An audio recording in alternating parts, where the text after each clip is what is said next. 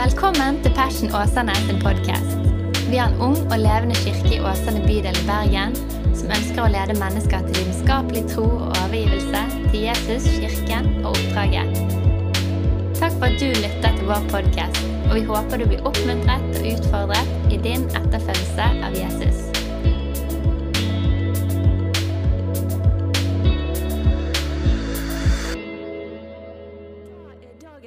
Tema det er faktisk bønn. Og eh, Da er det sikkert noen med en gang som liksom sånn ja, detter litt sammen og tenker ja, ja, dette her blir noen stusslige saker. Men det tror jeg ikke det skal bli. Det skal bli eh, veldig bra. Og målet med hele talen er jo at vi skal inspirere hverandre til bønn. Eh, Jeg satt i går og så hadde jeg masse tid for meg sjøl. Eh, Og så satt jeg og tenkte da at ah, jeg orker ikke å lære ifra meg noe som jeg ikke lever sjøl. Det kjenner jeg, Alle klarer å holde fine taler, alle aller fleste klarer å holde fine taler og si fine ord. Men det å gi noe som du på en måte kan stå inne for, så du har autoritet i sjøl, det bare lengter jeg mer og mer etter. Så jeg håper at jeg skal få lov til å inspirere ut fra det livet jeg sjøl òg lever. Men så er jo vi inne i en sånn taleserie med alfa. Sant? Og Nå er vi kommet til femte punktet, og da er det altså bønn. Vi har hatt masse om hvorfor tru. Eh, nå husker ikke jeg alle temaene, men da kom vi til det femte punktet, som er altså bønn. Hvorfor og, og hvordan skal jeg be? Så da bare ber jeg litt først. Kjære Jesus, jeg bare takker deg for at du sier der to eller tre samler i ditt navn, der er du midt iblant oss. Og Hellige hjelp oss til å fokusere på det som vi skal fokusere på akkurat nå. Og jeg bare ber gode Far at du, du drar oss tettere inn til deg i løpet av de minuttene vi er i lag akkurat nå, far. At du skaper en lengsel i hver enkelt av oss etter å se mer av hvem du er, etter og hva du har å tilby oss, faktisk takker deg for oss. Jeg ber også om at du faller bønnens og nådens ånd over den enkelte her i menigheten. Amen. Eh, bønn, der har vi alle en erfaring. Og jeg tenker at vi drar med oss mye fra livet vårt. Om det er langt eller kort, så har vi på en måte en, en tanke om hva bønn er. Um, og For meg så husker jeg at dette her å be Fader vår, det ble jeg opplært i fra jeg var veldig liten. At du skulle be Fader vår før du la deg. Eller når du la deg. Så det gjorde jeg i mange, mange år. Og så vet jeg i ettertid at jeg ramsa det opp. liksom, fra det var du som er, Så hadde jeg gjort det. Sant? Det var liksom en sånn Det skulle vi gjøre, så det gjorde jeg. Jeg ville gjøre det, være samvittighetsfull og be Fader vår før jeg sovna. Eh, og så husker jeg kom til et punkt i Det var kanskje på slutten av barneskolen. Da var jeg sammen med ei venninne som er ett år eldre enn meg, Tone. Og Hun fortalte at hun var slutta å be Fader vår. Hun òg hadde lært det hjemme hos seg. Og så husker jeg, å ja, nå er vi så store at nå trenger vi å be Fader vår lenger. For det var liksom sånn der De store de gjorde kanskje ikke det, tenkte vi og ungdommene rundt oss. Så da husker jeg at jeg prøvde febrilsk når jeg la meg om kvelden å ikke be Fader vår. det husker jeg. Men så hadde ikke jeg samvittighet til det, så det Fader vår det, så tenkte jeg ja, jeg kan jo ta det med meg. Det er jo sikkert ikke noe galt i det. Så, så jeg tok det med meg. Så det ble på en måte Jeg klarte ikke å kutte det ut, faktisk. Eh, og så hadde jeg jo gode forbilder hjemme, både bestemødre som ba, og, og, um, og mamma som ba. Ja. Eh, og jeg kan bare si én ting som bønn I livets harde situasjoner så kom det fram hva som bor i oss. Og den dagen da mamma døde, så plutselig så samla alle tantene mine seg, besteforeldre, hjemme hos oss. Og hva tror du de satt og gjorde? De satt og ba. Og Jeg bare tenker på det nå etterpå. Utrolig. De satt og ba og ba og ba. Og jeg vet at det at jeg står her i dag, det er forfedrene sine bønner, uten tvil, som gjør til. Så du som har familie som ber, For en rikdom, for en rikdom. Og vi som vi hørte om den konferansen, vi som kan få være med og be for våre, det er helt enorm kraft i bønn. Det skal jeg komme inn på. Um, og så hørte jeg en annen som sa det, en annen sånn kjent predikant. Den bønnen jeg ber oftest, det er liksom 'Hjelp meg!' Sant? Og Det er kanskje noen av oss som kjenner oss igjen i det. 'Hjelp meg, Gud'. Men faktisk så viser undersøkelser fra Storbritannia viser at faktisk um, tre fjerdedeler av folk som er sekulære, som ikke tenker seg som truende, de ber minst én gang i veka. Altså De som tenker, ikke tenker at uh, Gud er viktig, eller tror på en Gud sånn offentlig, de ber likevel. Forfatteren av alfaboka han sier at når han vokste opp, så så han ikke på seg selv som kristen, men han ba den bønnen Gud velsign familien min og gjør meg til en snill gutt. Den bønnen ba han. Og så hadde han en annen bønn i krisesituasjonen, og da var det liksom 'Å, Gud, hjelp meg'. Så han deler faktisk om at når han var 17 år, så reiste han rundt i USA. Han er egentlig engelskmann. Han reiste rundt i USA, og der selvfølgelig mista han lommeboka, ble frastjålet alt han hadde. Og så ba han den bønnen da 'Gud, hjelp meg, la meg få treffe noen' som kan hjelpe meg. Og Så satt han på en buss der borte. Plutselig så møtte han en gammel skolekamerat. Da fikk han låne penger, han fikk hjelp til å komme seg videre. Men så han sier, det er ikke sikkert at jeg ga æren til Gud etterpå, da, men jeg husker jeg ba den bønnen. Så sånn er vel det. Det står i Matteus 6,33.: Søk først Guds rike og hans rettferdighet, så skal du få alt det andre i tillegg. Altså Der står det svart på hvitt. Søker vi Gud, så skal vi få alt det andre vi måtte ha behov for i tillegg. Eh, hva er da bønn? Altså Da har jeg sikkert allerede kommet inn på det at jeg tenker at det er det viktigste vi noen gang gjør i livet. En venninne som jeg hadde besøk av for eh, er flere år siden vi snakket om det, da sa hun Bodil, når du holder på med noe hele dagen, du er supertravel, du har masse ærend og du får gjort mye ting, så tenker du at du har vært effektiv. Dette var en god dag for deg. Men Bodil, hvis du sitter og ber en time, det er mye viktigere enn alt det andre du styrer rundt med. Og Det har jeg liksom aldri glemt. Vi kan tenke travelhet, da betyr at jeg er effektiv, jeg får gjort mye, utretta mye. Men den stilletiden med Jesus, der jeg rett og slett eh, kutter ut alt annet fokus og bruker tid med Han. Lytter til Han, taler med Han. Det er den mest verdifulle tida i livet vårt. Så om ikke du husker mer enn det, så er det faktisk veldig, veldig viktig. I Matteus 6 så står det men når du ber, skal du gå inn på rommet ditt og lukke døra og be til din far som er i det skjulte, og din far som ser i det skjulte, skal lønne deg. Det blir liksom sagt dette her å kutte ut ting som vil distrahere oss. Og I vårt samfunn der vi lever nå, så vet vi jo at det er telefoner, alt mulig, sosiale medier, det vil bare ta fokuset vårt. Så kampen på den stilletiden den er mye sterkere enn noen gang i noen generasjoner før oss. Så vi må virkelig være bevisst hva vil jeg bruke tida på. Hva vil jeg gi fokus?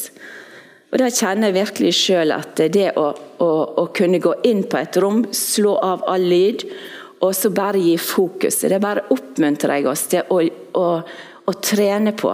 For det kan virke virkelig skummelt, nesten. Helt stille.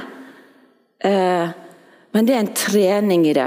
Så jeg ønsker i dag at vi skal lære oss til også bønnemusklene våre skal bli sterkere. Vi trener alltid i livet vårt. Og så tenker vi at bønn det er sånn som eh, jeg kan, kanskje. Men virkelig, det er muskler som vi trenger å trene. Og når jeg forstår at det er det viktigste jeg gjør i hele livet mitt, så vil jeg kanskje vinne en del kamper. Og Bønn er jo kommunikasjon med min far. Det er jo det. Der er relasjonen. Eh, det var En som sa at et gammelt ektepar de trenger ikke alltid å si så mye, for de vet hva den andre mener. og sånn. Og Sånn er det kanskje i relasjon med Jesus. Altså Bruker jeg mye tid med han, så vil jeg øh, vite litt. Hva tenker han om den saken? Hva ville han ha sagt? Husker dere disse her armbåndene 'What would Jesus do?' som vi hadde før? Altså, da, da Relasjonen er en sånn der, eh, vekselvirkning, det er en dialog.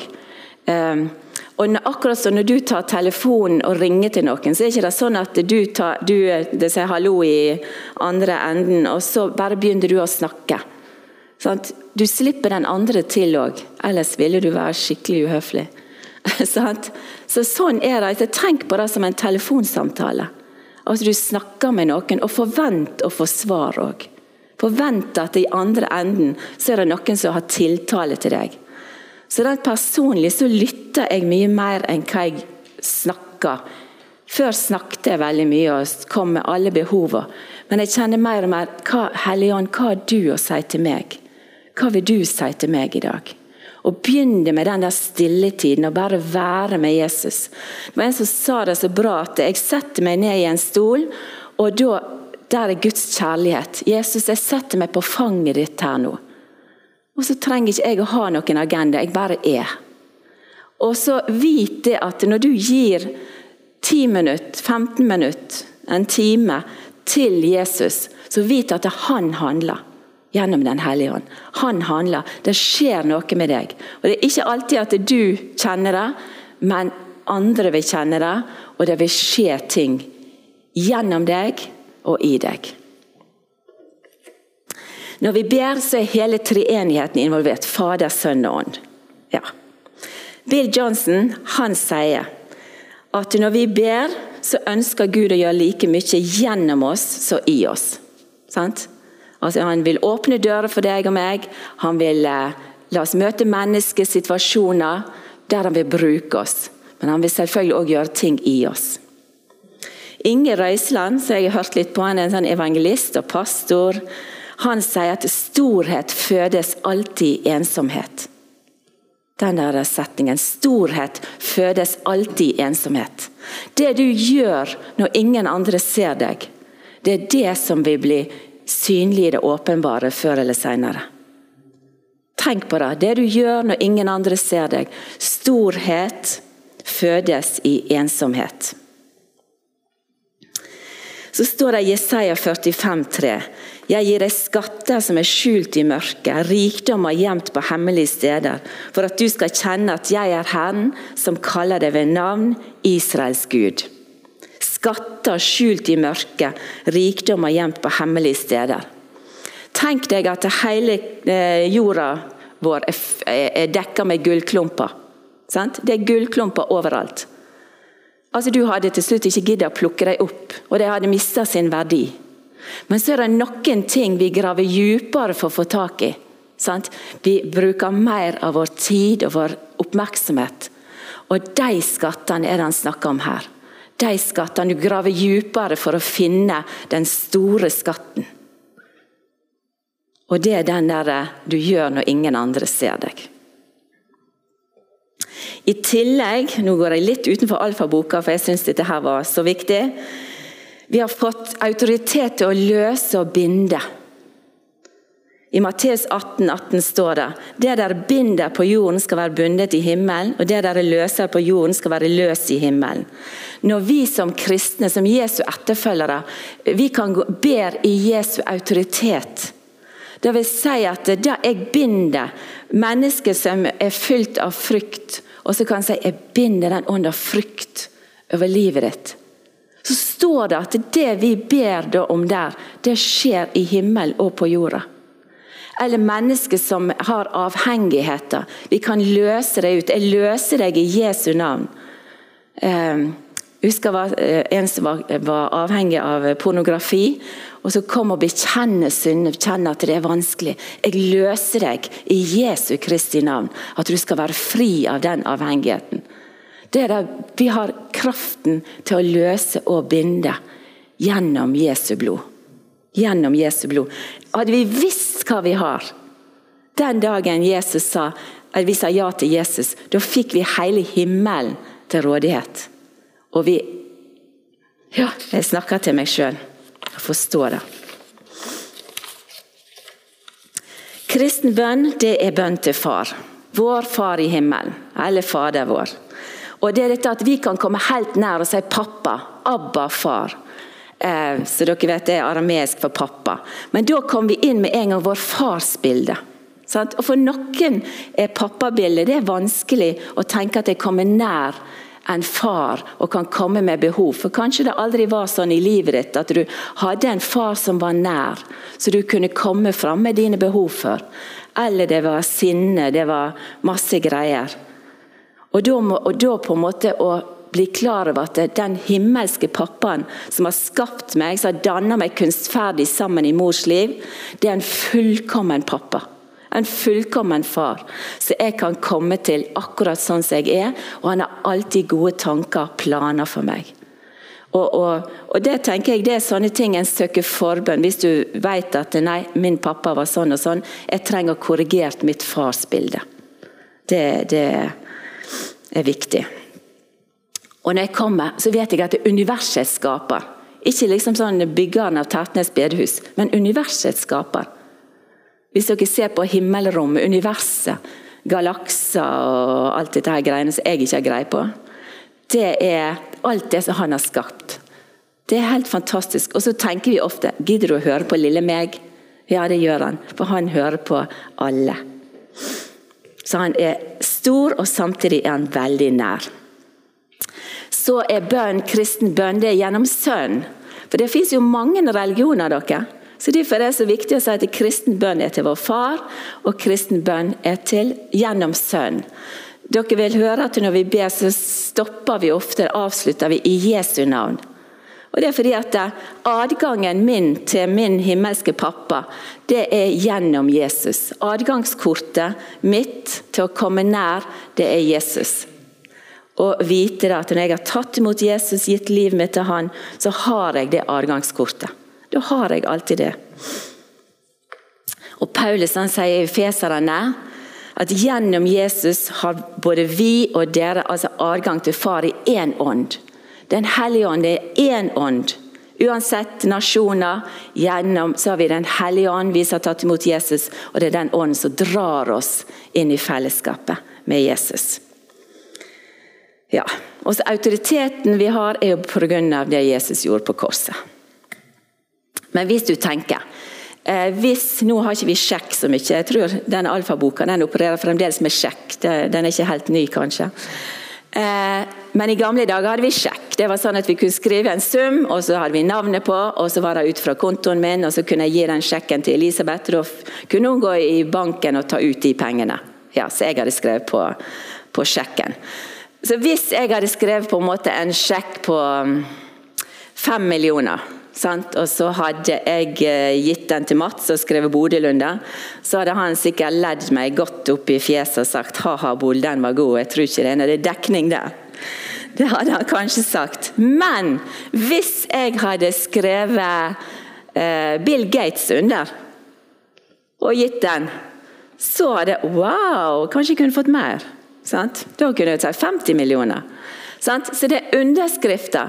Så når vi en dag kommer til himmelen, så har vi null på kontoen. De trodde at vi kunne ta med oss noe. Vi har helt null på kontoen vår. Det eneste vi kan vise fram til himmelske pappaen vår, det er underskrifta til Jesus. Og der står det at alt er betalt. Det er det eneste vi kan skrive. Det er Jesu navn. Ja, når vi ber, så er det òg bønn i én ånd, som jeg sa, og vi ber gjennom Den hellige ånd. Den hellige ånd er hjelperen vår.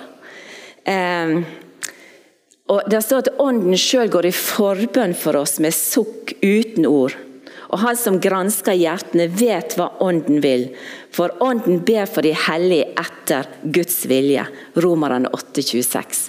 Og Her kunne jeg kommet inn på tungetale, det var ikke tema i det, den boken nå. Men der ber vi jo igjennom Den hellige ånd. og det er, eh, Når vi ber i tunge, så er det Jesus som ber. Vi vet ikke alltid hva vi ber om.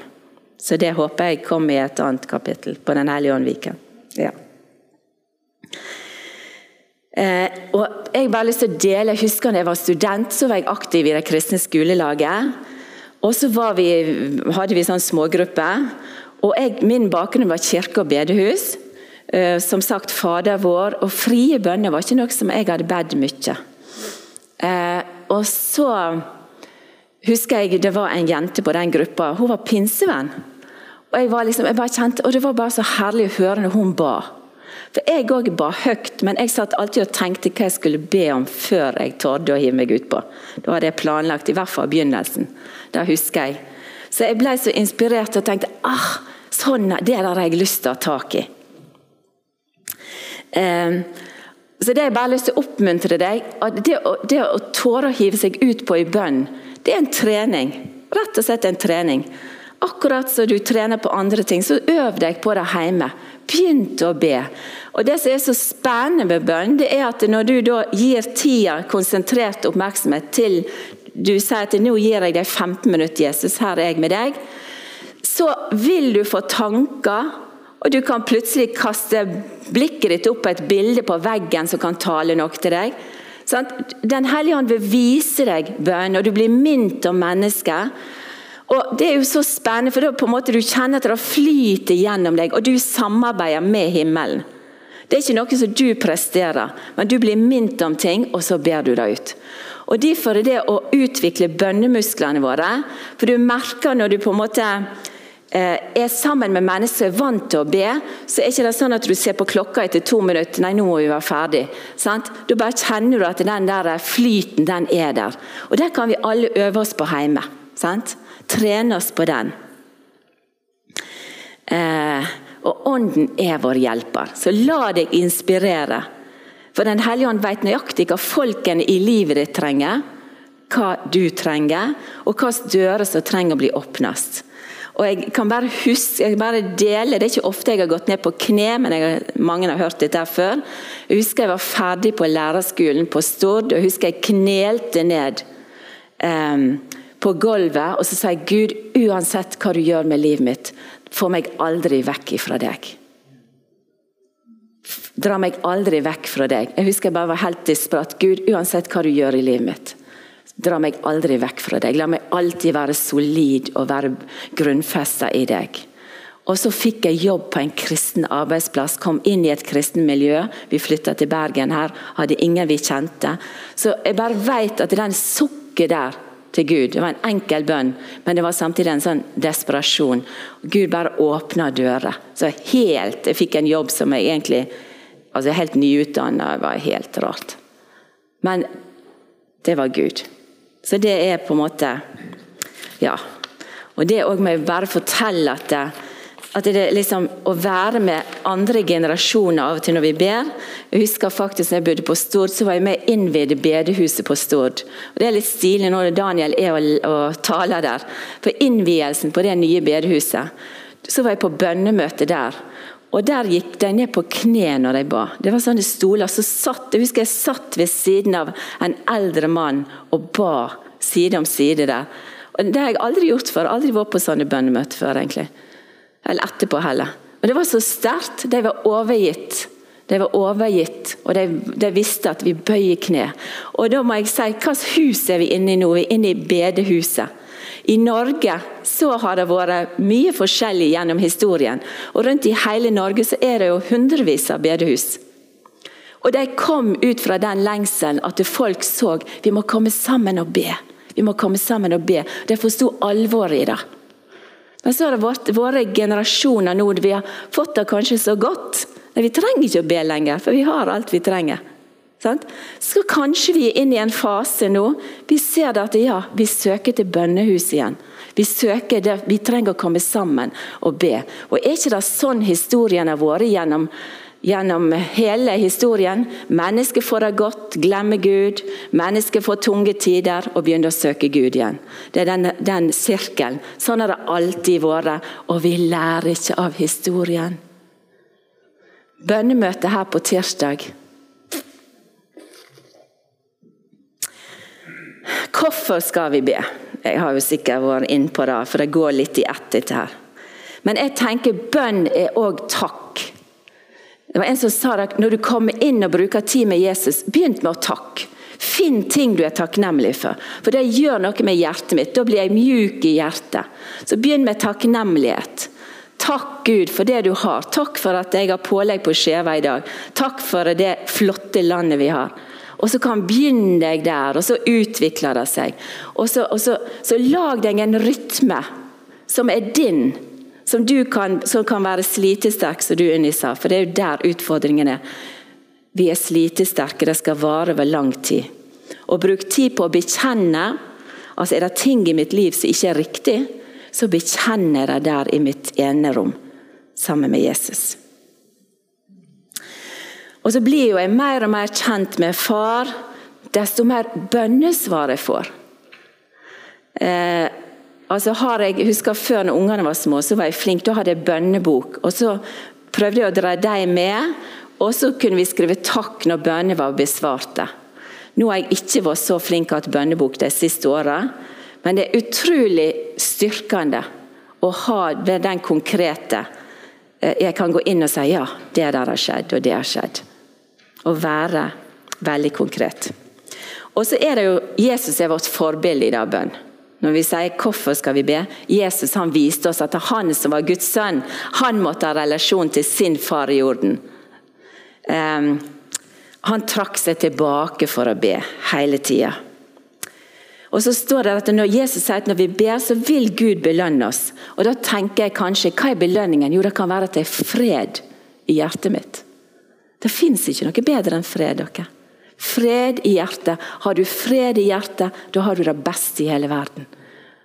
Hvis du har kjent på uro, så vet du at fred er det beste. Det er en belønning. Fred, og så kjenner Guds nærvær. Du kjenner at det er noe her. Det syns jeg er en belønning. Og så står det i Salme 16, 11, hos deg er glede i overflod. Trenger du glede, kom til Jesus og land der og kjenn at det er en glede som ingen kan ta ifra deg. Så det forandrer både oss og situasjoner. Og så vet vi i Matteus 7b, så skal dere få. Leit, så skal du finne. Bank på, så skal det åpnes opp for deg. Det er igjen dette å grave, ikke gi deg. Um, og Jesus, hvis du eh, ser i Bibelen, før han gjorde viktige ting, så ba, står det at han ba. Han skulle plukke ut de tolv disiplene. Så står det at han var i bønn hele natta før han valgte de tolv. Hvem skal jeg ha med meg? Eh, og vi vet Før han ble korsfest, så brukte han bønn i Getsemane. Det står at han svetta som blod. Sant? Og Disiplene klarte ikke å holde seg våken, men han var og ba og ba. og ba. Før viktige ting. Når du skal finne deg en ektefelle, når du skal ta jobbvalg altså, Du må bare gi det til Jesus. For han vil gjøre til at du får det beste, det som er best for deg. Ikke vær som en sånn der som bare går ut jeg tar det første og det beste. Nei, for det er konsekvenser for resten av livet. Gå på kne eller du trenger ikke å gå på kne, men bare søk Gud. Hvem vil du jeg skal? Er det den personen? For Jesus han, gjennom, han vil stenge dører, og han vil lukke dører. Og Bruk tid i bønn, og så kan jeg love deg at det vil bli løsninger. Håkon Fagervik, leder på bønnesenteret oppe i Levanger, han sier ta barnebarna med på lekebutikken, så ser du hva inderlig bønn er. De vil dra i deg. 'Kan jeg få den? Kan jeg få den? Kan jeg få den?' Sant? Det er liksom sånn Kommer til pappa. 'Du, pappa, hør på meg nå!' Sant? At vi kan tenke den biten. At er, jeg vil ha tak i det. En person som er mye i sitt lønnkammer, vil bli en magnet for Den hellige ånd. En person som er mye i sitt lønnkammer, blir en magnet for Den hellige ånd. Altså, Den hellige ånd vil bruke deg. Ja. Så det vil alltid være en, en frukt. Svarer Gud alltid på bønn? Finnes det grunner til at vi ikke alltid får det vi ber om? Ja. Og da sier jeg, Det som kan skape avstand, det er jo gjerne dette med synd. Sant? Eller ting som er uoppgjort. For Setter du deg ned i stillhet, så vil Den hellige ånd ofte ydmykt trykke på noe, eller du vil komme på noe som kanskje ikke er rett i livet ditt. Og, og, og Da vil han si at kan du gjøre opp det der først.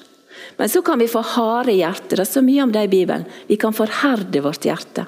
Og Det er faktisk en veldig alvorlig ting. For da vil jeg ikke lenger lytte til den lille røsten. Da vil jeg, hjertet mitt ha blitt hardt, så jeg tenker nei, jeg bryr meg ikke. Og det, det, ja, det er faktisk å ta det på alvor. Um, og det kan hindre bønnesvaret vårt.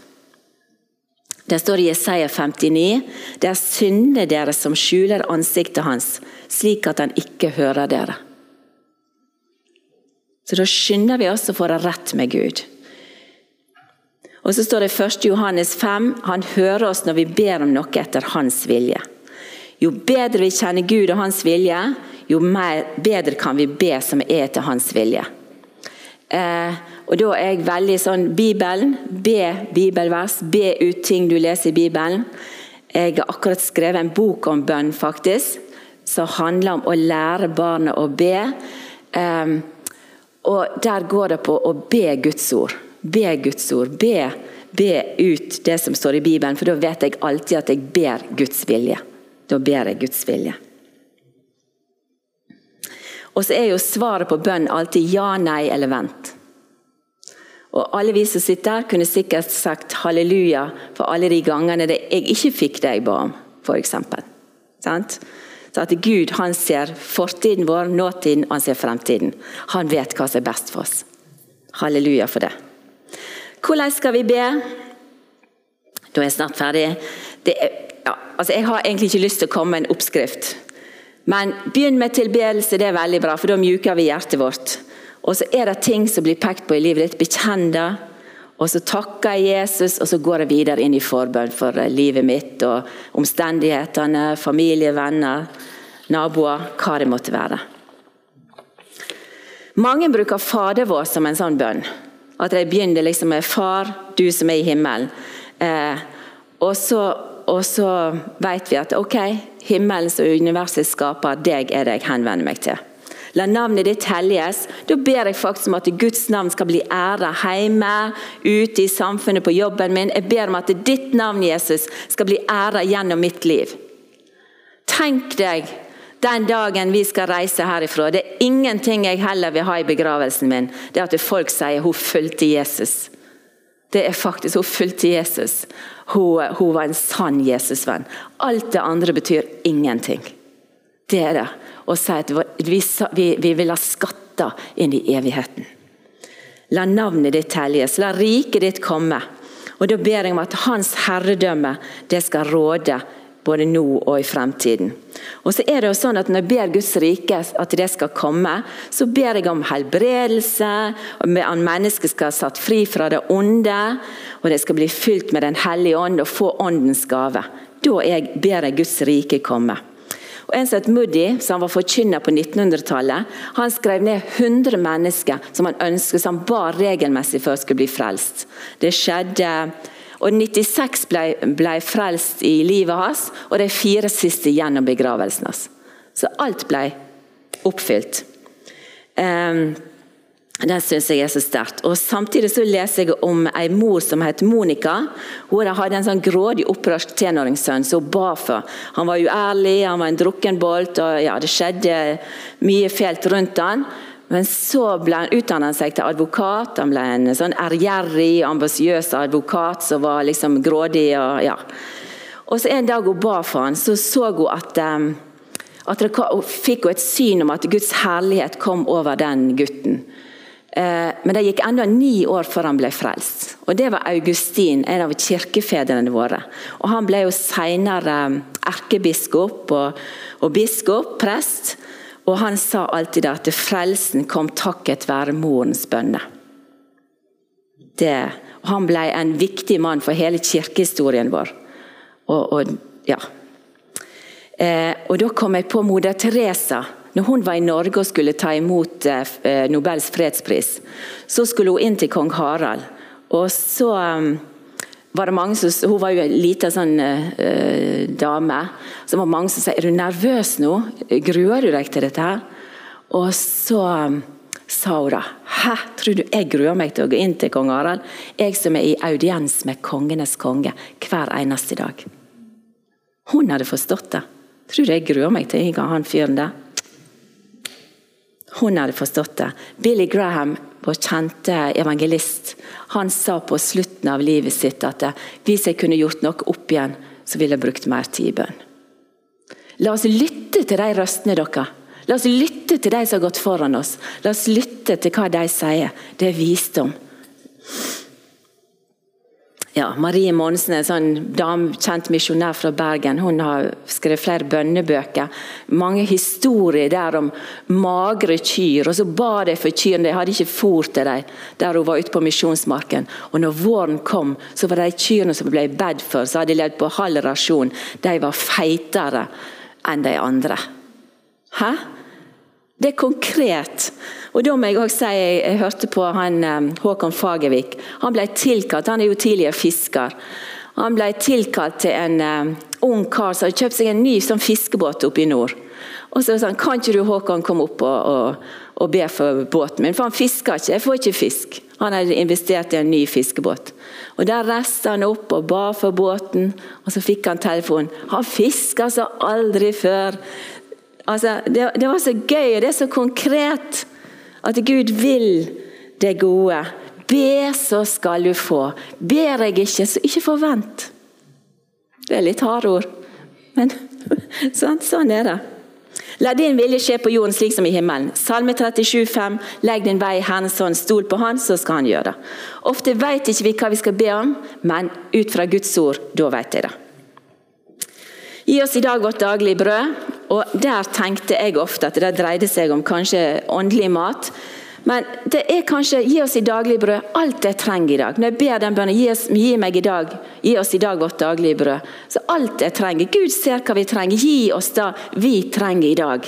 Han ser hva vi trenger. Og tilgi oss vår skyld, slik også vi tilgir våre skyldnere.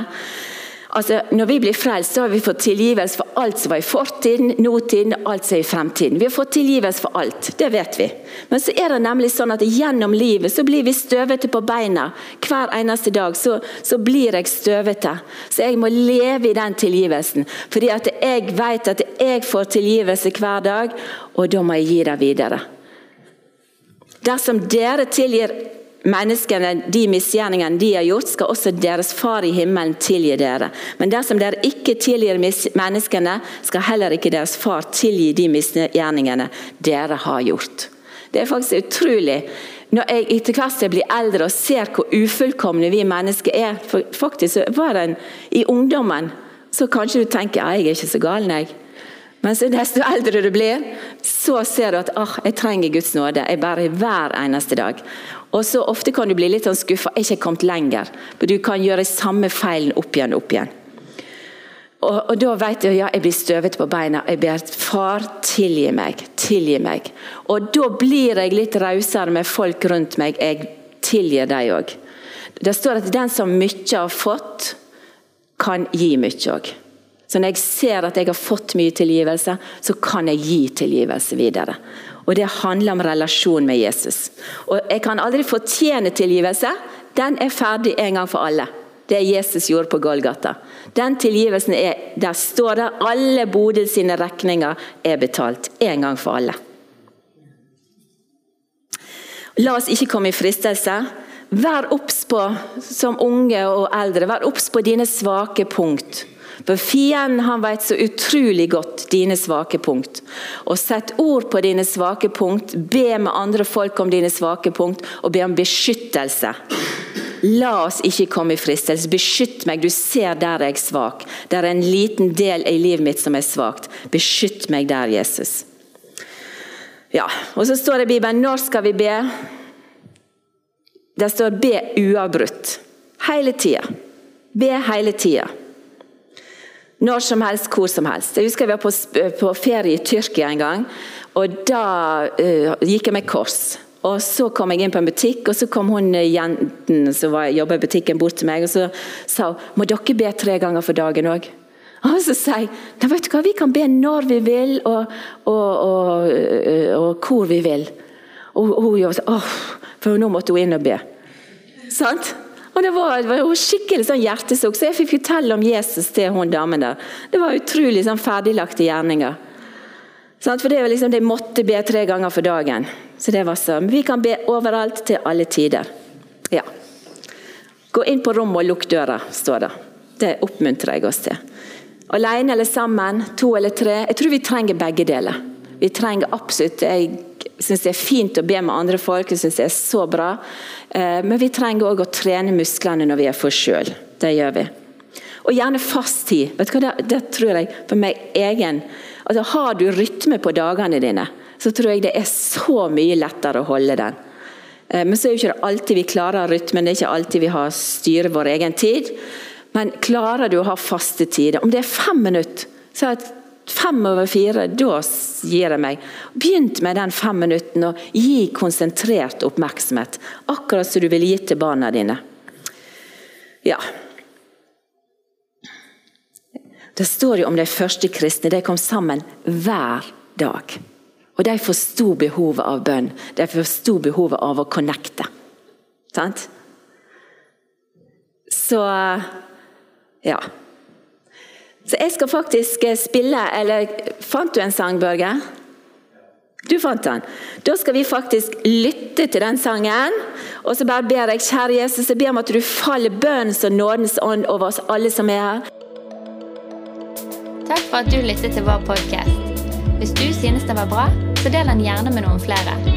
Vil du vite mer om hvem vi er, hva som skjer, og kanskje besøke en av våre gudstjenester? Se vår nye hjemmeside på fashionåsane.no, eller følg oss på sosiale medier. Helt til slutt, ta imot Herrens velsignelse. Herren velsigne deg og bevare deg. Herren la sitt ansikt lyse over deg og være deg nådig. Herren løfte sitt åsyn på deg og gi deg fred.